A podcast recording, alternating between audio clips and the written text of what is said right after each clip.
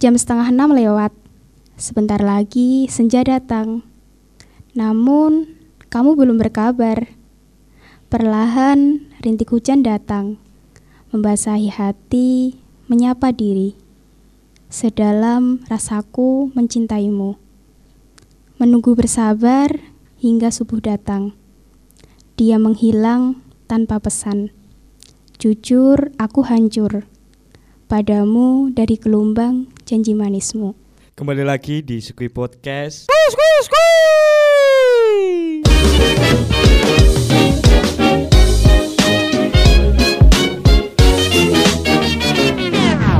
Oke, malam ini Skui Podcast kedatangan tamu Agung Tamu Agung jauh-jauh dari kota Sleman. Sleman. Masuk kota eh Sleman tuh kota nggak sih?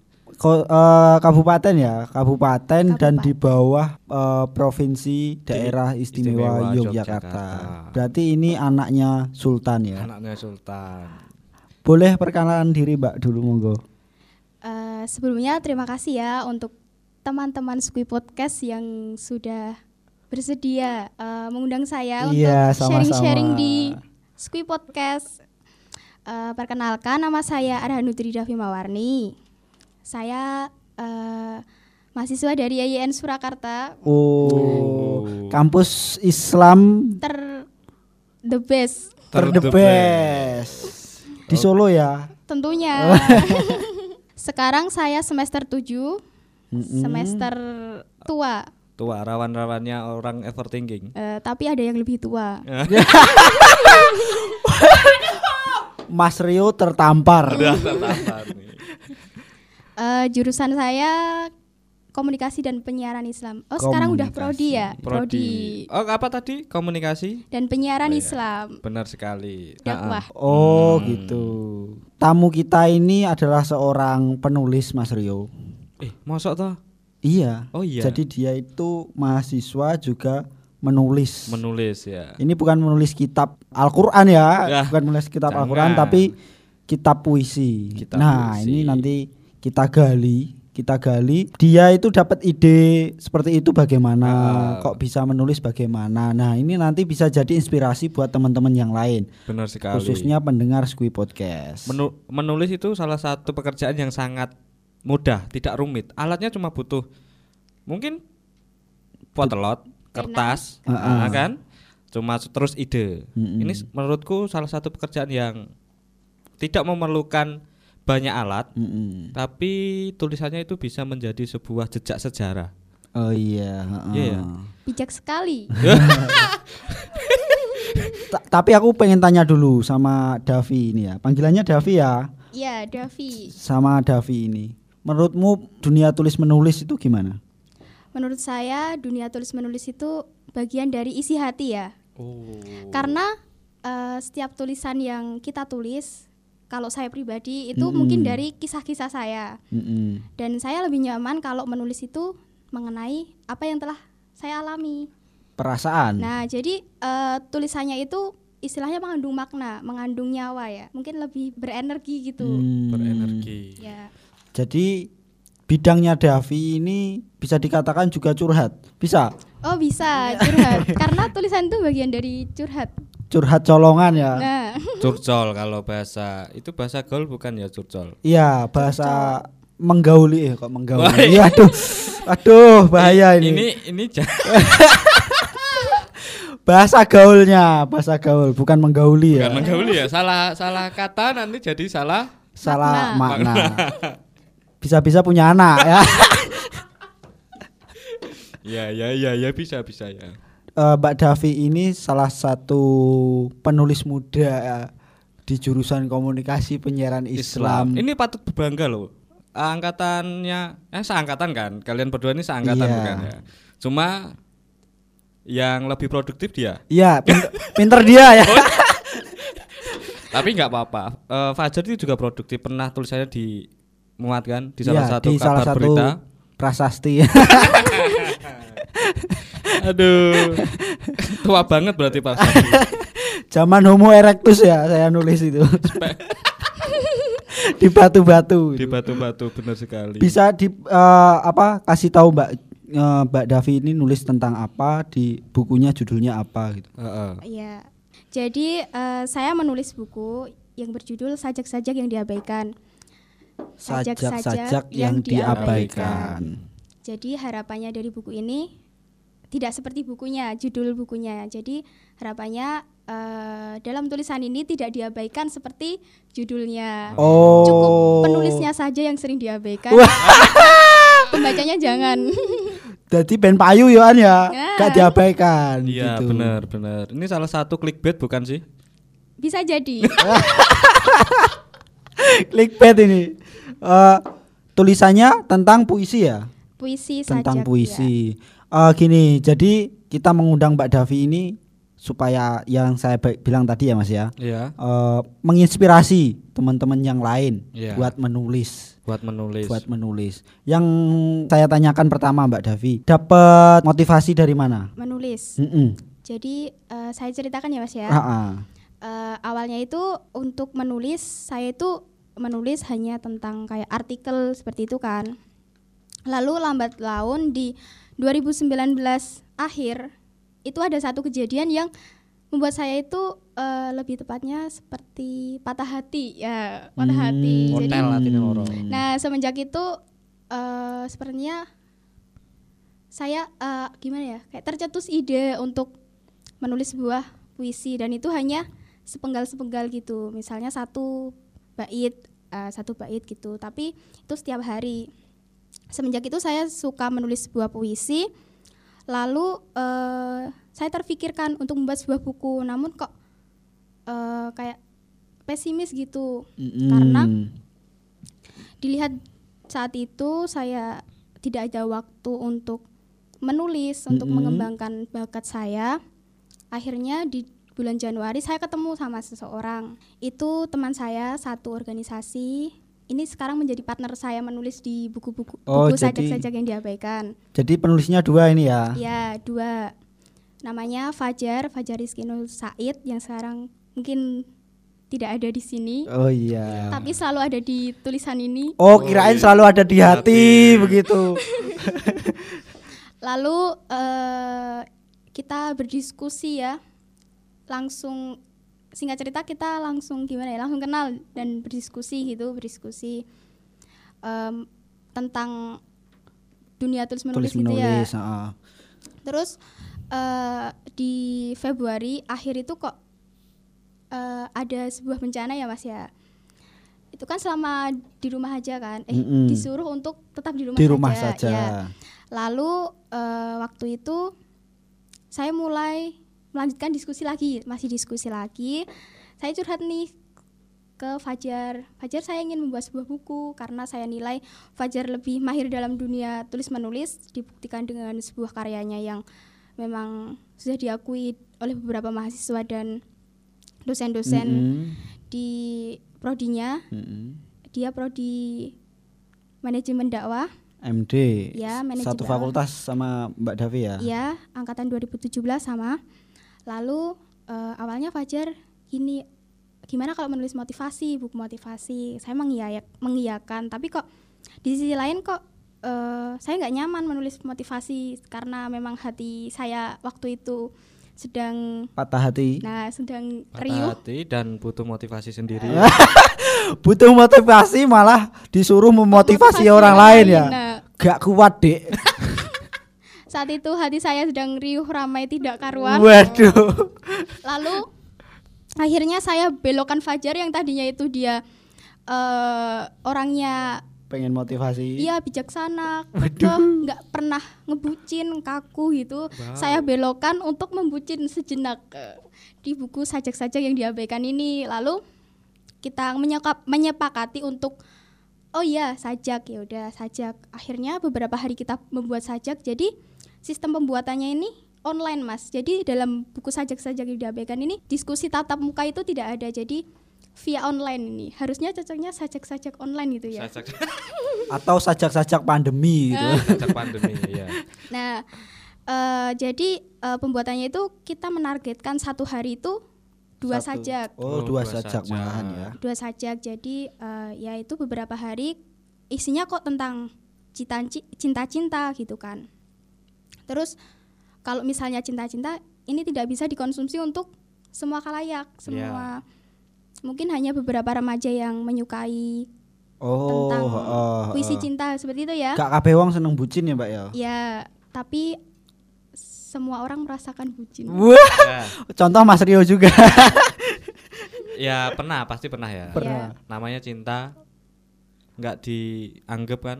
Waduh, waduh Tapi curcol. bukan bucin ya. Kalau bucin terlalu men- menurutku terlalu apa ya? Katanya kalau dipanjangkan terlalu kasar ya. Jadi budak loh. Budak cinta ya. Budak cinta kan ngono. Mm-mm. Walaupun aku bukan budak, pengikut, Peng- followers Followers. followers follower gitu ya. Lanjut, Mbak. akhirnya itu satu hari kan dua sajak lalu eh, kalau memang eh, kalau misalnya sajak ini hanya tentang cinta-cinta nanti nggak bisa dinikmati oleh semua khalayak Mm-mm. akhirnya eh, melihat situasi saat itu kan eh, sedang tidak stabil ya negara kita tidak stabil lalu kami putuskan untuk dalam buku sajak ini kita membahas tentang eh, makna kehidupan gitu jadi tidak hanya membahas tentang sepasang hati dua anak manusia yang memang saling terabaikan Oh, tapi waduh. juga membahas tentang makna kehidupan dengan sang pencipta juga ada alam semesta dan nusantara seperti itu Ah. Seperti itu jadi eh, insya Allah buku ini dapat dinikmati oleh beberapa kalangan oleh semua umur dan semoga bermanfaat seperti itu Hmm. Berarti ada apa tadi? Cinta juga ada. ada eh, terhadap sang pencipta ya. ada Ada. Berarti terhadap terhadap apa manusia ada. Manusia ada. hablu minanas, hablu minallah, hablu minalam. Wes. Berarti buku ini religius sekali sebenarnya. Alhamdulillah kan karena ada semuanya ya, manusia, alam dengan Tuhan. Tuhan. Ah. Berarti emang eh, perpaduan komplit. Tapi latar belakangnya ada yang maksudnya religius nggak? Atau Mbak Davi sendiri atau Mas Fajar sendiri gitu? kalau eh, dalam sajak-sajaknya Mm-mm. kalau saya lebih condong ke hal yang tentang cinta-cinta ya. Cintanya. kalau Mas Fajar melengkapi tentang yang eh, makna kehidupan mungkin tapi saya juga menulis di sini tentang itu tentang negara saya ada yang mendeskripsikan tentang negara dikemas dalam sebuah sajak Hmm, artinya eh, bisa dibilang Mas Fajar sebenarnya nggak nggak terlalu karena nggak terlalu bucin banget ya. Nah. Jadi lebih ke manusianya, lebih ke apa? Makna kehidupan Makna Makna kehidupan kehidupan. lah Ya. ya. Hmm, hmm, hmm. Dan para punggawa sekui saat ini kita ini berdua saja ya. Ha-ha. Mungkin, mungkin harus ditahu diketahui para nanti pendengar karena kru satunya Umroh. umroh Jadi Kole sedang umroh, umroh teman-teman. karena sedang tawaf juga muter-muter tawaf. kan kat- Ha-ha, tadi katanya. Karena dia emang Kolis itu umrohnya itu di apa sih bandara. Jadi Bandara. dia mubeng bandara toh. ya jadi- Bukan di Ka'bah. kirain itu Mas asrama haji Iya, dekat. Jadi eh, nah, ini tidak ada masalah apa-apa ya kita cuma berdua gitu ya. Ha-ha. Cuma kolisnya sedang tawaf. Tawaf. Nah, Ha-ha. gitu. Jadi ini cuma berdua. Cuma Teman-teman berdua. eh, Sukui podcast mungkin bisa kok Mas Kolis kok gak suaranya kurang Mas Kolis kok gak tahu metu. Heeh. Bukan kami mengeluarkan Mas Kolis. gini aja Mas habis ini diganti saya nggak apa-apa Oh, Ya. ini Aku setuju. Enak penyegaran. Kolis, Kolis habis ini Fajar masih tidur sini hantam saja ya. Jadi ya itu ya tadi ternyata bukunya ini bukan hanya satu orang penulisnya tapi dua juga ya. Dua juta dan temanya juga nggak soal cinta, nggak Mm-mm. melulu soal.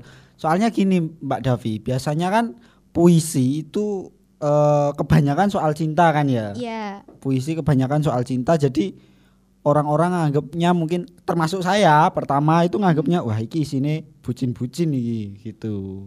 Terus Mbak Davi eh, istilahnya kok bisa dari obrolan diskusi itu langsung berlanjut menulis buku dan sukses terbit apa enggak sesulit apa gampang banget, Banget, gitu loh heeh. apa emang sejatinya itu gampang atau emang susah sebenarnya sebenarnya di dunia ini tidak ada yang susah Mas waduh ngintuk nih dek ya aku susah iram ya Nah, yang susah itu eh, ego kita mungkin ya. waduh berarti ego. Untuk terlalu ego mengendalikan ego.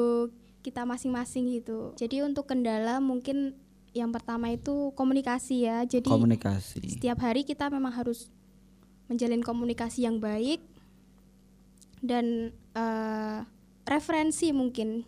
Jadi selain membaca, menulis juga menurut saya harus berkelana atau kita lebih tepatnya sering jalan-jalan dan di Hmm. perjalanan kita mungkin menemukan sebuah kejadian yang bisa memunculkan sebuah ide tulisan seperti itu. Golek inspirasi lah ya. Nah, inspirasi. Sebenarnya tadi mau saya eh saya mau bilang inspirasi cuma ngetes Mas.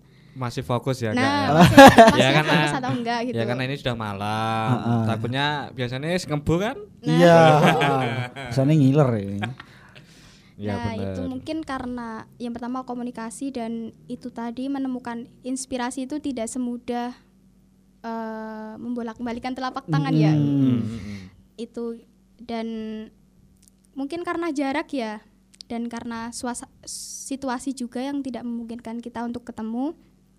Jadi konsisten itu perlu saat kita menulis buku ini seperti itu. Jadi memang kita harus menja- benar menjaga konsisten seperti itu. Lalu eh, ego kita harus mengendalikan ego masing-masing. Jadi saya sama Fajar juga meredam ego sendiri-sendiri karena mungkin karena kendalanya karena saya telat mengirim sajak lalu kok ini Davi belum mengirim saja karena deadline-nya hari ini gitu. Kadang dirapel. Jadi besoknya gitu saya ngirim dua atau tiga sajak langsung seperti itu. Berarti emang sehari ditarget dua terus Mm-mm, iya. sehari ya? Iya. Cepet berarti pembu- Eh, ini prosesnya dua bulan. Dua bulan. Ini terbit sekitar eh, April ya, April, April berarti Februari, Maret. pas pandemi juga ya. Ya waktu pandemi. Jadi ini karya selama di rumah saja daripada kita gabut nggak ngapa-ngapain. Akhirnya menciptakan sebuah karya Hmm. seperti itu yang mungkin eh, saya juga masih belajar. Mungkin dari teman-teman KPI juga masih banyak yang belajar. Saya juga belajar dan saya rasa teman-teman KPI juga banyak yang berpotensi dalam dunia tulis menulis. Bahkan kalau saya lihat lebih bagus dari tulisan saya seperti itu. Seperti Mas Fajar nih co- contohnya. Iya Fajar partnermu tadi Iya. kan ya. Dua-dua Fajar ya, Ya, Fajar. mohon maaf Fajar kan kalau partner saya kan anak MD ya. Mm-mm. Kalau Fajar di KPI kan ada dua. Nah, Nah, Berarti Fajar satunya. ya Fajar eh, satunya. sama-sama jurnalistik. Sama-sama jurnalistik. Ini ini juga menurut menurut hal menarik juga. Davi Mm-mm. adalah salah satu mahasiswa komunikasi dan penyiaran Islam yang ambil jurusan konsentrasi di Public relation. public relation ya. Nah, Seharusnya anak jurnalis ngono toh. Tapi ya bener sih, maksudnya dia anak PR, anak PR yang notabene mungkin lebih soal dunia tulis menulis kan lebih dekat anak jurnalis ya sebenarnya. Iya. Tapi anak PR ini malah menulis gitu. Ha. Sebenarnya tamparan bukan tamparan sih, maksudnya ini seharusnya menjadi lecutan semangat juga buat anak-anak jurnalis Benar. atau anak-anak sastra lah. Seharusnya menulis lah. sastra pasti banyak, cuma kita nggak di kalangan mereka aja. Oh iya, gitu ah, aja ah. sih. Iya. Target sehari dua dan itu Di masa-masa pandemi. di masa-masa pandemi. Dan itu inspir inspirasinya itu gimana? Itu sering baca aja, Mas. Sering-sering baca buku, sering baca puisi-puisi seperti itu. Jadi mungkin kita akan lebih kayak akan kosakata seperti itu. Dan saya harus memutar kalau saya pribadi ketika saya menulis sajak yang menjadi karya saya di buku ini, Mm-mm. saya harus memutar kembali memori yang pernah terjadi di dalam hidup saya. Mm-mm. Misal eh, kejadian beberapa tahun lalu ketika saya patah hati yang memang besar gitu, saya putar kembali dan saya harus merasakan luka itu kembali agar Waduh. menjadi sebuah tulisan yang bernyawa gitu. Waduh, berarti iso kelingan mantan ya Anda? Terima kasih mantannya Davi siapa? Oh, Nanti link podcast ini Saya kasihkan ke mantan Kasih saya, mantan. saya ucapkan terima kasih karena ada sebuah patah hati yang harus menjadi sebuah karya. Waduh, elok elok elok elok elok elok elok elok elok elok. Berarti bisa membawa hikmah ya ini. Bisa itu jadiin judul sinetron. Iya, judul puisi. Judul judul puisi. Nek sinetron sing cocok sebenarnya nggo mantan ki azab sebenarnya. Tapi Ya. saya heran Mas sama anak-anak zaman sekarang. Kenapa kita eh, kayak melabelkan mantan itu sesuatu yang jahat? Mm-mm. Kenapa? Mungkin dari Mas Squid Podcast ini ada yang bisa menjawab? Kalau soal mantan ini emang ahlinya Mas Rio sebenarnya ya. apa ya? A- nggak mungkin mungkin apa ya? Yang yang bilang jahat itu siapa? Kita aku juga nggak tahu juga ya. Eh Davi mungkin pernah dengar kata jahat. Eh mantan itu jahat dari mana dulu? Dari teman-teman eh, kebanyakan, saya bilang kebanyakan kenapa? Eh, anak muda zaman sekarang melabelkan mantan itu sebagai seseorang yang jahat. Seperti itu dan Oh, kalau aku nggak sih. Kalau ya mantan sih mantan aja gitu. Cuma kalau ngomong jahat sih nggak jahat. Karena kan eh, bebe- kita sudah pernah maksudnya menjalin sebuah kisah gitu ya. Mm-mm. kita tahu L- ale APE kan tahu kan. Mm-mm. masa satu kali diputusin atau mutusin dibilang jahat? Yo enggak lah. Kalau aku sih enggak sih. Oh iya, nek soalnya Ma- Mas Rio ini kan sama mantannya masih utang duit. ya. luar biasa Bisa sekali. Luar direpoti ya sih Ah, jadi mantan. gitu. Kalau aku nggak sih mantan tuh nggak jahat. gitu. Cuma cuma apa ya? Ya dibilang jahat sih nggak. Cuma ya ndek ben pernah ngelarani tok ngono tok ae. Tapi memaafkan. Memaafkan. Gini nih, aku pernah eh, ingat sebuah Kok kalimat. kebalik ya ini? ya aku mesti biasanya ngono kena terus aku panggil mantan ini. Melihat eh mel- membaca sebuah kalimat no. Memaafkan sih ya, tapi lupa aku tidak. Iya, heeh. pernah sep- eh, itu kata kalimat yang pernah di- diucapkan oleh almarhum Gus Dur. Iya, pasti aku maafkan, tapi lupa tidak kan gitu. Dan Mas Rio nggak mencoba menulis karena sakit banget itu Mas Apa? Rio. Kan hatinya Mas Rio ini kan sakit banget. Heeh. Tapi nggak coba ditulis kayak Davi kayak gitu. Oh kalau aku dulu pernah di blog sih, aku punya blog sejak 2013. Isinya cuma ya beberapa ungkapan aja, ungkapan. Tapi tutup isuan ya ya. Utuh, utuh. Itulah. Lanjut, ini saya yang kena lanjut ke Davi.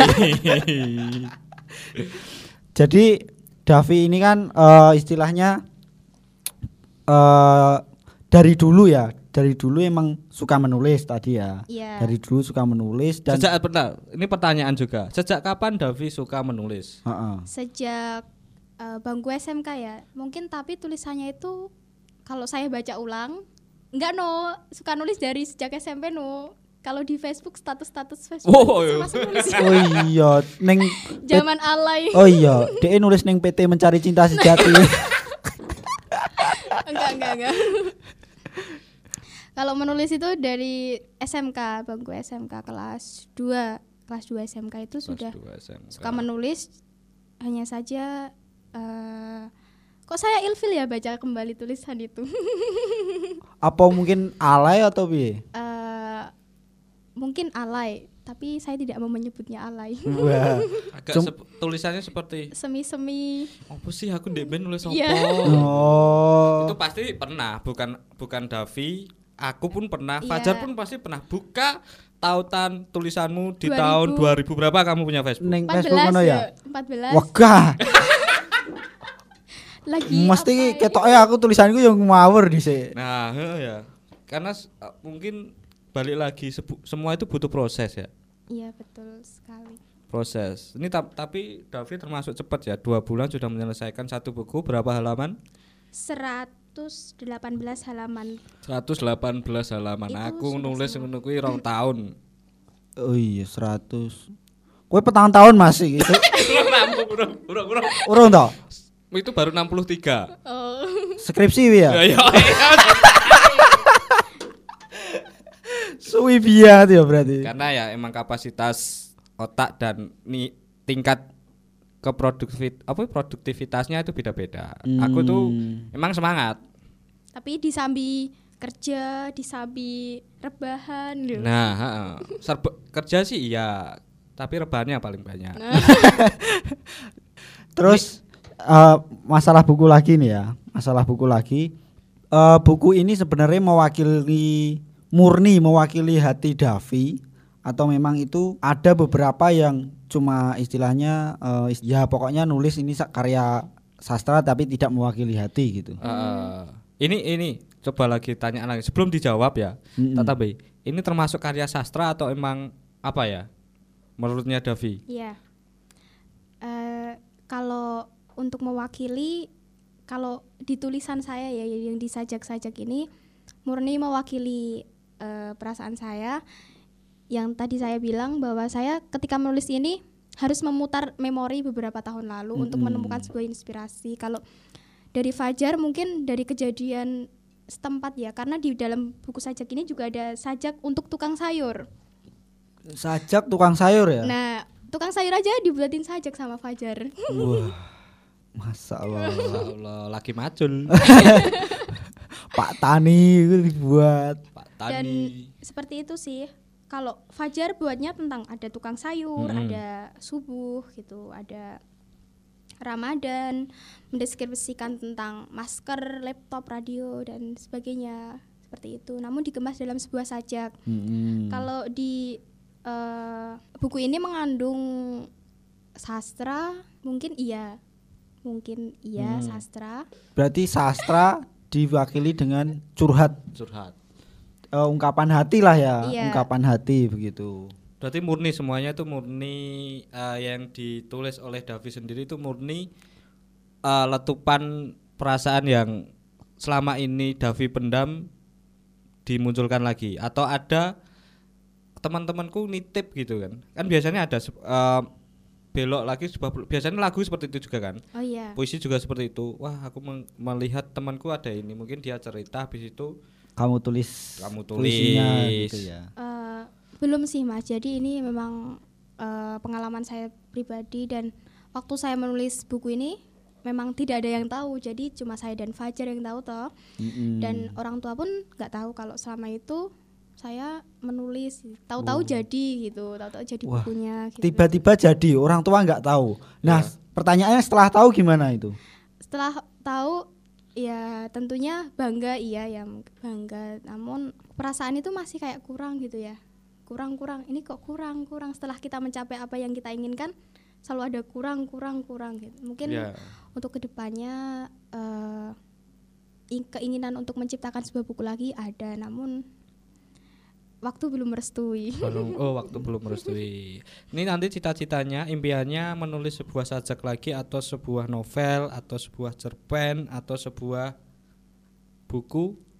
Motivasi yang belum tadi ya. Ah, belum terea- terrealisasi eh apa pun itu bentuk bukunya yang penting bermanfaat untuk teman-teman dan seluruh pembaca yang ada di sana. Oh, Oh iya, iya, ini sana. penting, ini penting. Yang penting tulisan itu bermanfaat. Ya. ya Jadi nggak cuma nyari untung ya, nyari untung atau segala macam. Balik lagi, yang penting tulisannya bermanfaat. bermanfaat gitu ya Eh, pesen lah dari Davi buat apa ya? Istilahnya teman-teman nih, ada pertanyaan kan teman-teman, wah, aku iso nulis sebenarnya, aku iso nulis, Bisa. tapi piye toh carane nerbitke? Hmm, nah ini jadi mungkin Nah, ah, kan. mungkin jadi pertanyaan juga oh aku mungkin wah tulisanku banyak eh di blog Di atau enggak blog-blog, di nah. notebook atau di diary gitu kan nggak semuanya mungkin ya eh, pandangan nggak semuanya wanita itu atau manusia itu punya sebuah tulisan tapi nggak mau diunggah Mm-mm. karena itu juga mungkin di masalah pribadi ini termasuk eh, Mbak Davi sendiri kan masalah pribadinya yang dibuat puisi kan gitu. Gimana toh caranya nerbitkan? Gampang aneh lah. Oh iya. Mungkin kalau mungkin di Google banyak ya, tapi saya akan menjelaskan setahu saya. ya Mm. Jadi untuk menerbitkan itu ada kalau nggak salah dua atau tiga, tapi yang saya ingat itu cuma dua. Yang pertama itu eh, mayor, mayor penerbit mayor. Itu eh, jadi ketika mayor itu bukunya dicetak se sebanyak-banyaknya dan didistribusikan ke seluruh toko yang ada di Indonesia dan Hmm. itu cetaknya banyak ya mas. Nah kalau yang indie itu lebih bersifat eh, pre-order, jadi eh, nanti akan dicetak sesuai dengan pesanan yang ada dan itu tidak didistribusikan seperti itu. Dan untuk eh, penerbit eh, sekarang banyak ya Mas ya di Indonesia pun banyak sekali penerbit-penerbit yang memang menawarkan eh, paket-paket paket-paket menerbitkan buku itu Mm-mm. seperti apa. Eh, teman-teman bisa langsung cari eh, infonya di internet atau di ya di Google itu dan semua dan teman-teman pasti eh, kebanyakan sudah punya HP ya, udah punya HP dan Mm. canggih, saya rasa canggih dan bisalah cari info-info tentang penerbit itu di situ. Nanti ada sesuai paket-paket yang diinginkan itu seperti apa. Nanti kita tinggal menghubungi CP-nya, kontak personnya. Yang penting kita mempunyai karya dulu. Kalau untuk menerbitkan itu saya rasa hal yang Gampang lah ya. ya Mm. ya seperti itu. Jadi memang sebenarnya nggak ribet ya. nggak ribet. Kadang kita mempersulit sendiri. Oh, sulit sendiri. Jadi semangat buat teman-teman yang emang sebenarnya punya karya ditulis di blog, bingung caranya nerbitkan. Di Google banyak loh. Tekok Mbah Google ngerti dan sing diomong Davi tadi. Tapi bukunya Davi masuk yang mana tadi? Indie. Jadi emang Masuk harus PO ya. Iya, pre-order. pre-order. Nah, berapa banyak yang sudah mesen bukunya Davi? Lumayan lah, Oh, lumayan. Berarti ya sebuah kesuksesan yang nggak diduga-duga juga ya. Bisa nulis, habis itu ada yang pesen loh. Mm-mm. Itu wah aku nulis sebuah karya, habis itu ada orang yang mau pesen. Itu sebuah nilai yang sangat di- kayaknya artinya oh ternyata aku berkarya itu nggak harus nunggu sisuk sisuk sisuk sisuk. Mm, mm, mm, mm. Bagus ini. Arti karya sebenarnya buat Mbak Davi gimana toh? Menurut saya karya itu eh, yang pertama bermanfaat ya. bermanfaat. Percuma kalau karya kita banyak tapi nggak Nggak ada bermanfaat. manfaatnya. Nah, kalau bermanfaat pasti eh, mengarah ke positif ya. Jadi Iya. sebisa mungkin kita membuat karya yang memang itu positif. Mm-mm. Jangan kita membuat karya yang hasilnya itu malah negatif dan memperburuk citra yang sudah lama kita bangun. Seperti itu dan eh, karya itu tidak ada eh, tidak ada apa ya tidak ada Matinya ya. Nah, karena ketika kita tidak ada yang yang akan dikenang dari kita adalah sebuah karya, bukan utangnya. Betul. Apa mau? Be- Gak utangnya tok wi lho kowe wi. itu Jadi- salah satu, salah Nah. satu manusia eh, di dunia ini yang paling bagus dan perlu eh, utang akan dilupakan itu adalah bank yang punya apa itu bank pokoknya bank yang- aku lali Malah teko bank. akan utang mau ya apa mau Jadi emang seumpama besok kita udah meninggal. Jadi emang yang masih eksis kan tetap karyanya kita ya. Karyanya. Iya. Yang dikenang juga karyanya Karya. kita. selain nama karya juga Karya. ya. Mm. Di sini eh, saya menyampaikan apa yang telah saya alami ya selama Mm-mm. menulis ini, dan saya juga masih belajar sama teman-teman Squid Podcast, pendengar Squid Podcast yang setia. Wah. eh, saling sharing aja. Jadi ketika kita menulis, tulisan itu tidak ada yang tidak bagus, Mas. Eh, semua tulisan itu bagus tergantung kandungan dari tulisan itu. Yang penting positif, maka tulisan itu akan bagus. Untuk memperoleh tulisan yang memang benar-benar eh, berkualitas itu memang butuh proses dan prosesnya itu tidak kilat ya, tidak Mm-mm. instan. Karena mie instan yang dibilang instan pun Iya digodok sih Iya, benar sekali. Nah, itu. Jadi untuk teman-teman yang memang suka menulis eh menulislah mulai dari sekarang karena menulis itu memang eh, dapat me- memperkenalkan diri kita kepada halayak umum ya, seperti itu. Jadi eh, menurut saya menulis itu tidak harus menulis dalam ranah besar dulu. Kita dapat menulis melalui media so- media sosial kita yang kita punya seperti ini. Kita menulis di Facebook, di Twitter atau receh-receh gitu nggak apa-apa. Yang penting tulisan di blog. di blog seperti itu. Di Instagram kita buat caption-caption yang singkat, padat dan mengena itu menjadi bagian dari tulisan. Dapat dimulai dari situ lalu kita rangkai kata yang telah kita tulis. Jadi Mm. Menulis itu tidak harus dalam jumlah banyak, sedikit-sedikit namun kita rangkai dan akhirnya menjadi sebuah tulisan yang utuh seperti itu. dan eh, perbanyak baca karena perbanyak baca itu akan menambah referensi dari eh, tulisan yang akan kita tulis nanti. Jadi banyak baca dan kalau saya pribadi sering main gitu. Jadi akan menemui tentang eh, kejadian-kejadian yang banyak inspirasi juga ya, benar Banyak sekali. Inspira- atau mengulang inspirasi. memori beberapa tahun yang lalu yang sekiranya dapat kita tulis.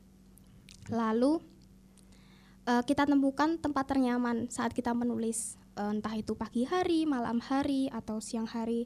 Pokoknya senyaman teman-teman semuanya untuk menulis itu nyamannya di, di waktu, apa, atau nyaman ketika bersama dia lalu kita ngobrol bareng gini sambil makan bareng DE terus oh, tiba-tiba kok ingin menuliskan oh puisi iya. di depan mata. Eh, iso itu iso bisa iso iso. Bisa bisa. Mendeskripsikan ketika beber- bepergian bersama seseorang itu setelah pulang langsung dituliskan itu juga Mm-mm. bisa.